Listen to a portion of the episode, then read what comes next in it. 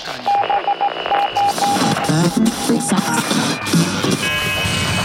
Odsłuch społeczny.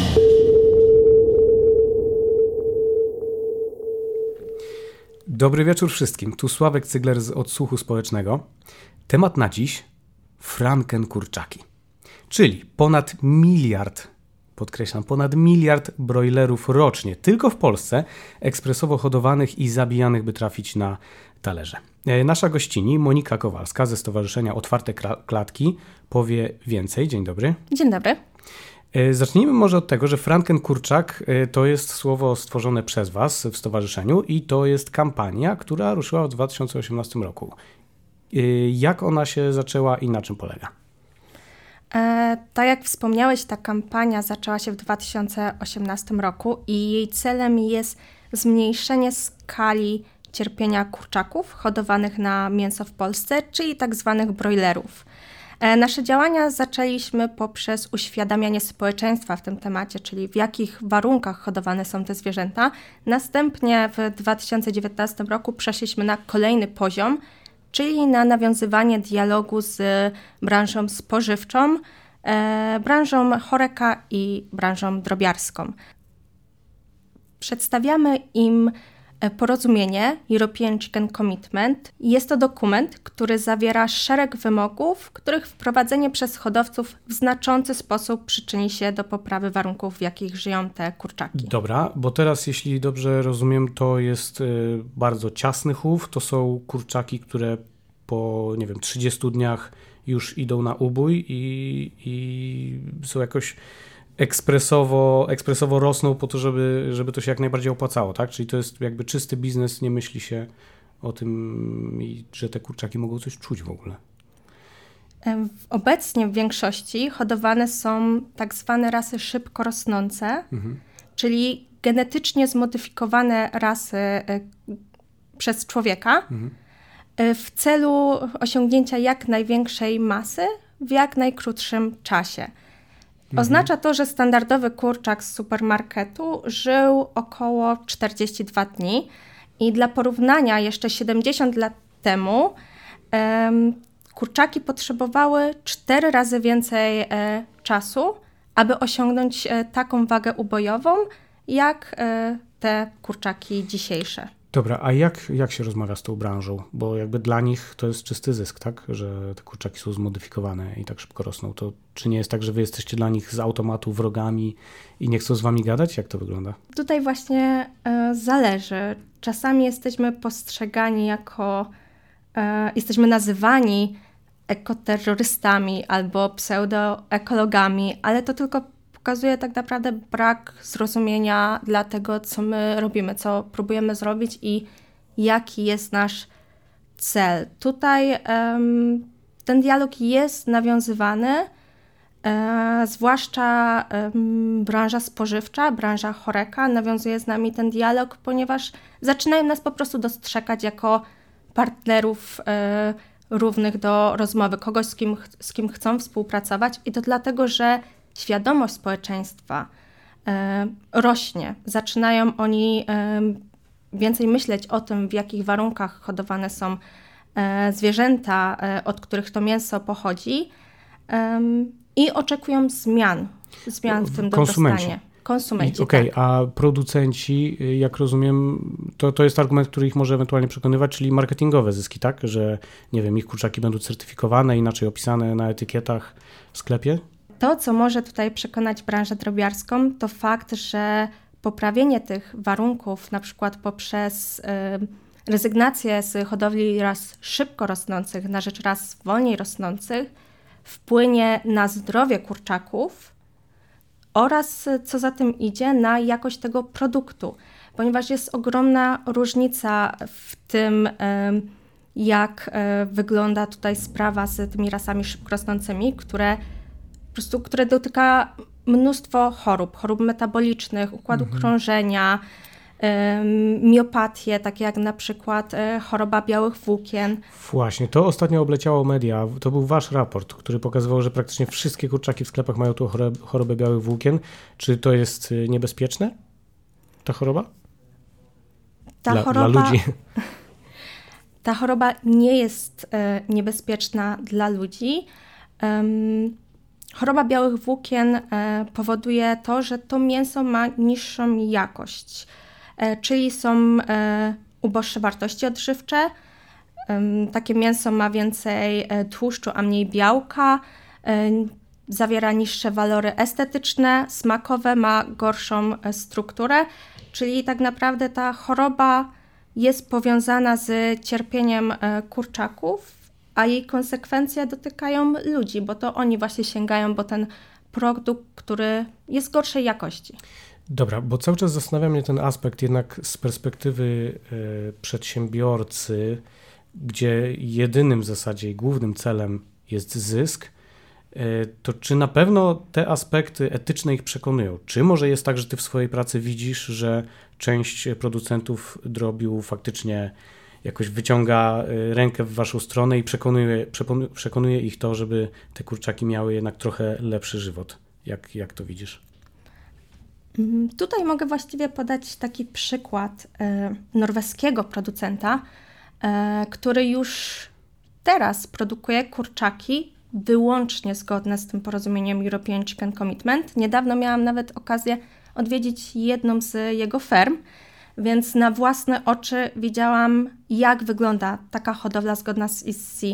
I ta różnica była ogromna. Ptaki potruwały na urozmaicenia, biegały, nie zauważyłam żadnych problemów z kończynami, z e, podeszwami ich, e, ich nóg.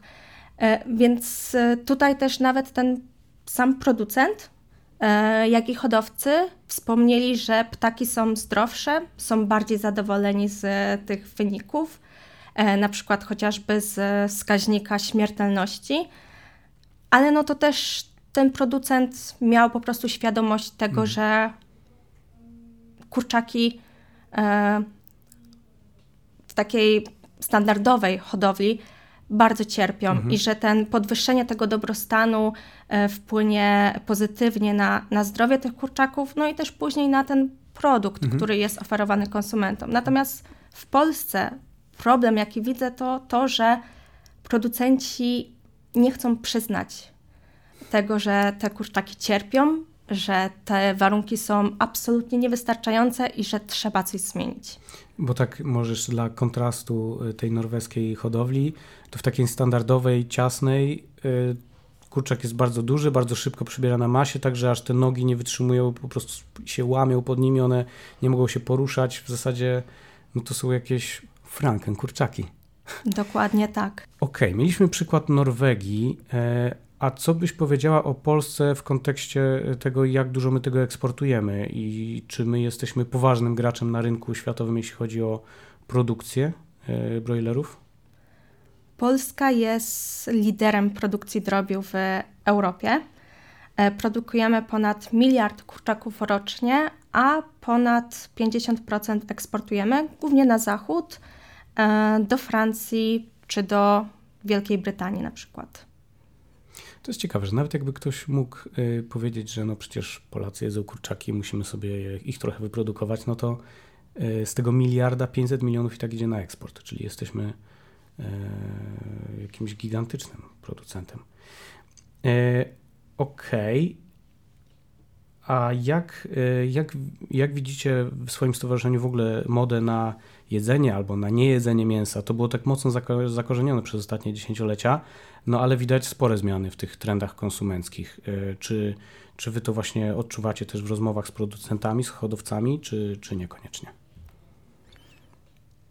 Rzeczywiście konsumenci podejmują coraz bardziej e, świadome wybory zakupowe, coraz większą wagę przywiązują do aspektów zdrowotno-dietetycznych czy do warunków, w jakich hodowane było zwierzę, od którego pochodzi ten produkt, i jest to też coś, na co, na co branża zwraca uwagę, na co zwraca uwagę branża e, spożywcza, ponieważ społeczeństwo zaczyna oczekiwać właśnie tych zmian, tego, żeby ten produkt e, był też lepszej jakości, e, ale też, żeby te zwierzęta nie były hodowane w tak e, okrutnych warunkach. I tutaj przeprowadzamy, zlecamy przeprowadzenie badań opinii publicznej. We wrześniu tego roku zapytaliśmy społeczeństwo, czy sądzi, że firmy, w tym duże supermarkety, powinny podpisywać porozumienie European Chicken Commitment i prawie 92% Polaków odpowiedziało, że tak. Okej. Okay. A jak w takim razie wyglądają y, jakieś unijne standardy? Bo wy, y, rozumiem, idziecie do producentów z ECC, ale oprócz tego chyba Unia Europejska wprowadza jakieś standardy, czy nie? No tutaj obowiązuje dyrektywa broilerowa, mhm. um, ale to prawo, nie, to prawo jest niewystarczające. Um, dlatego... Rozumiem, że ECC jakby idzie po prostu o krok dalej w podwyższaniu standardu e, tak, życia. Tak, ale mhm. to, co warto tutaj wspomnieć, to, że ECC to minimum tego, co można zrobić, aby te zwierzęta miały znośne życie. To nadal kurczak zgodny z ECC to nadal wysokoprodukcyjny broiler. Jest to mhm. po prostu takie porozumienie pomiędzy tym, żeby, żeby ta hodowla nie sprawiała tyle cierpienia kurczakom, mhm ale żeby to też było opłacalne dla producentów, żeby chcieli po prostu taki produkt e, mieć w swojej ofercie. Mhm. A czy wy się spotykacie z jakąś wrogością ze strony producentów? E, mieliście jakieś takie akcje nie, nieprzyjemne u siebie w stowarzyszeniu? Um, kiedyś zdarzyło się, że grożono nam widłami. Ale to, o ile dobrze pamiętam, e, było na fermie futrzarskiej, Aha. więc to akurat nie, nie miało związku z zdrowiem. E, wielu ludzi postrzega Waszą działalność jako taką działalność aktywistyczną, i, i, w związku z tym chciałem spytać, e, co myślisz o ostatnich wydarzeniach, czyli o oblaniu zupą słoneczników Van Gogha? Mm.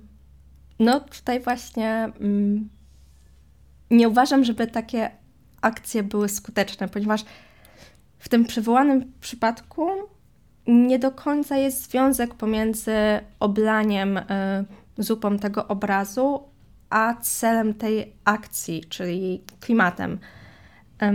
Więc nie uważam, żeby takie działania były efektywne. Wywołanie takiego szoku wśród społeczeństwa nie spowoduje, że zmienią oni swoje nawyki lub e, podejmą konkretne działania.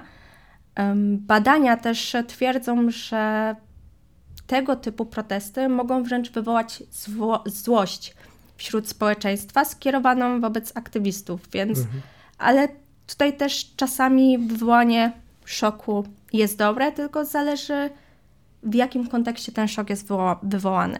Czy tutaj mówimy o wejściu, um, załóżmy do restauracji ze zdjęciami zwierząt, y, w momencie, jak jest się oblanym czerwoną farbą, czy na przykład pokazaniu konsumentom zdjęć e, mięsa z supermarketów, e, które dotknięte jest chorobą. E, bo to w sumie właśnie my zrobiliśmy z tym raportem o chorobie białych włókien, ale uważam, że przy planowaniu takich działań należy się zastanowić, co chcemy osiągnąć. I, i trzeba tutaj po prostu pomyśleć nad tym, w jaki sposób możemy dotrzeć do odbiorców aby zwrócić ich uwagę na problem, o którym mówimy, i żeby nie zniechęcić ich do aktywistów, a co za tym idzie, nie zniechęcić ich do sprawy, o którą walczymy. No dobra, to skoro o zniechęcaniu mowa, y, to jeśli niektórych nie przekonuje ten aspekt etyczny, że te kurczaki cierpią, to może powiedzmy coś więcej o tym, jakie choroby mogą dotknąć broilery i co tam się dzieje na tych fermach. Więc e, właśnie tak jak wspominałam, obecnie w większości hodowane są terasy szybko rosnące i więc chodzi tu o to, że te kurczaki rosną w tak nienaturalnie szybkim tempie, że w ciągu 6 tygodni osiągają wagę nawet 2,5 kg, ale rośnie tak naprawdę tylko ich mięsień piersiowy. Te organy wewnętrzne, na przykład serce, dalej są organami młodego ptaka i nie nadążają z pracą za tak szybkim tempem wzrostu tego mięśnia. E, I to niesie ze sobą dużo negatywnych konsekwencji dla, dla ptaków. E, dotykają je choroby metaboliczne, układu krążenia, na fermach e, też powszechnym zjawiskiem jest kalectwo, czyli właśnie te nogi łamią się, nie mogąc utrzymać tego ciężaru. E, dodatkowo rozwój, e, zbyt szybki rozwój tego mięśnia piersiowego wiąże się z występowaniem miopatii, takich jak białe włókna, zielone mięśnie czy wooden breast. I te miopatie właśnie wiążą się z tym, że ta jakość tego mięsa jest, e, jest niższa, że te wartości odżywcze są uboższe. Mam taką notatkę, gdyby ludzie rośli w takim tempie jak te broilery, to pięcioletnie dziecko ważyłoby 150 kg. To tak, żeby zobrazować może e, to tempo. E, dobra, to powiedz jeszcze, co planujecie w otwartych klatkach, jakie kolejne kroki, bo kampania Franken Kurczaka ma już brodę, więc jakie kolejne kroki? E, z pewnością dalej będziemy starali się nawiązywać e, dialog z branżą spożywczą, drobiarską i choreka, aby przedstawić im rozwiązanie, jakim jest European Chicken Commitment, które zakłada E, innymi rezygnację z ras szybko rosnących na rzecz ras wolniej rosnących, które wykazują się e, podwyższonym poziomem dobrostanu. Jednym z takich projektów, nad którym pracujemy już od kilku miesięcy, e, to kampania informacyjna skoncentrowana wokół jednej z popularnych sieci handlowych w Polsce. No okej, okay. a jak wybraliście tą jedną konkretną sieć? Jakby na czym to polegało? Powiedz coś więcej. Rozumiem, nie wymieniając nazwy tej sieci, tak? tak, ta kampania mhm. jeszcze, jeszcze właśnie y, nie ruszyła, ale już wkrótce y, to się stanie. A tutaj y, przy wyborze sieci bierzemy pod uwagę różne czynniki. Między innymi patrzymy na to, co ta sieć mówi o kurczakach. Jeżeli na przykład mówi, że dba o o dobrostan e, zwierząt, to sprawdzamy, czy rzeczywiście tak jest, czy za tymi e, słowami stoją jakieś e, konkretne czyny. Oraz też patrzymy na to, jak właśnie wyglądał nasz dialog z tą siecią. Okej, okay, to jeszcze z perspektywy konsumenta ewentualnego, czy my możemy jakkolwiek rozpoznać, jakie to jest mięso? Coś może na etykiecie, jakieś informacje? Właśnie polskie prawo nie do końca reguluje kwestię e, oznakowania mięsa drobiowego i konsumenci w tym, przez to nie, nie mają szansy e, się dowiedzieć, e, w jakich warunkach to zwierzę było hodowane. Na przykład, na, przy, mówiąc o takim standardowym kurczaku, nie znajdziemy tam za bardzo żadnych informacji poza datą ważności spożycia czy informacji o E, producencie albo e, kraju uboju. Natomiast tutaj robi się już trochę ciekawiej, e, gdy spojrzymy na etykietę kurczaka, który jest reklamowany jako ten, który miał te lepsze warunki zapewnione. I tutaj trzeba zwrócić uwagę na, na taką rzecz, co jest na tej etykiecie napisane.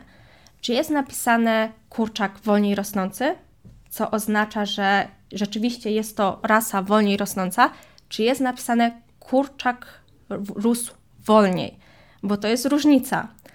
Kurczak rósł wolniej oznacza, że jest to prawdopodobnie wciąż ta rasa szybko rosnąca, ale że po prostu życie tego kurczaka, tej rasy szybko rosnącej zostało wydłużone, co nie jest poprawą dobrostanu, jest wręcz przeciwnie, krokiem w tył. Przynosi to negatywne skutki, ponieważ rasy szybko rosnące zostały tak właśnie genetycznie zmodyfikowane, żeby w jak najkrótszym czasie przybrać jak największą masę. Wydłużenie ich życia wiąże się z wydłużeniem ich cierpienia. Mhm.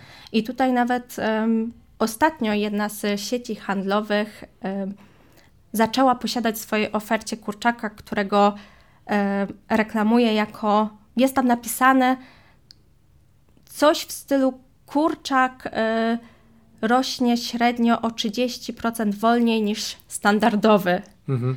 E, I e, no, tutaj e, można się e, domyślać, że jest to po prostu dalej ta rasa szybko rosnąca mhm. i niejako jest to wprowadzeniem w błąd e, konsumentów, którzy nie są świadomi w tym temacie, nie wiedzą na co zwracać uwagę patrząc na taką etykietę. Dobra, a ten wolno rosnący y, to, to jest jakoś oznaczone? Oprócz tego, że tak jest to dosłownie ujęte, to jest tam ten, nie wiem, listek zielony z gwiazdkami czy coś, nie? Nie. Czyli po prostu możemy ewentualnie szukać jakiegoś kurczaka, który będzie oczywiście dwa razy droższy, będzie tam opisane jakieś biohodowla i musimy się wczytać w etykietę, tak?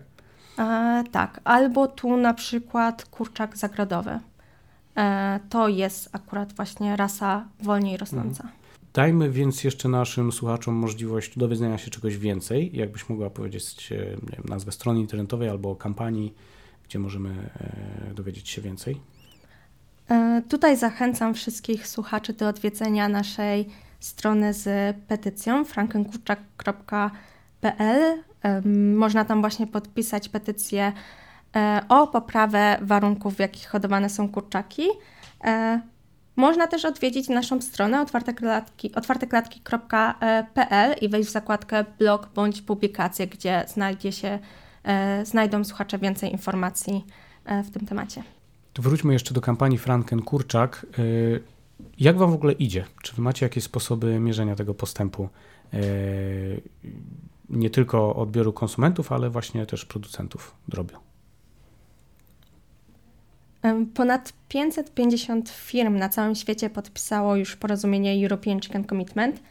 W Polsce e, są to tacy giganci jak Ocean, Carrefour, Tą deklarację podpisało też na przykład Frisco albo frisco.pl albo producent e, Resdrop, więc e, mówiąc o efektywności patrzymy tutaj e, na reakcję firm, na to ile firm podpisuje to porozumienie, ale też patrzymy jak nasza kampania jest odbierana przez społeczeństwo. Przeprowadzamy, zlecamy przeprowadzenie E, badań opinii publicznej, dzięki którym możemy patrzeć na jak rośnie stosunek społeczeństwa do kwestii dobrostanu zwierząt. I takie badania przeprowadzamy mniej więcej co e, dwa lata. E, podpisywanie ECC to trend, który cały czas rośnie, zwłaszcza na zachodzie. I tutaj wierzymy, że jeżeli firmy w Polsce, jeżeli producenci chcą pozostać konkurencyjni na rynku, to również będą musieli dostosować się do tych nadchodzących zmian.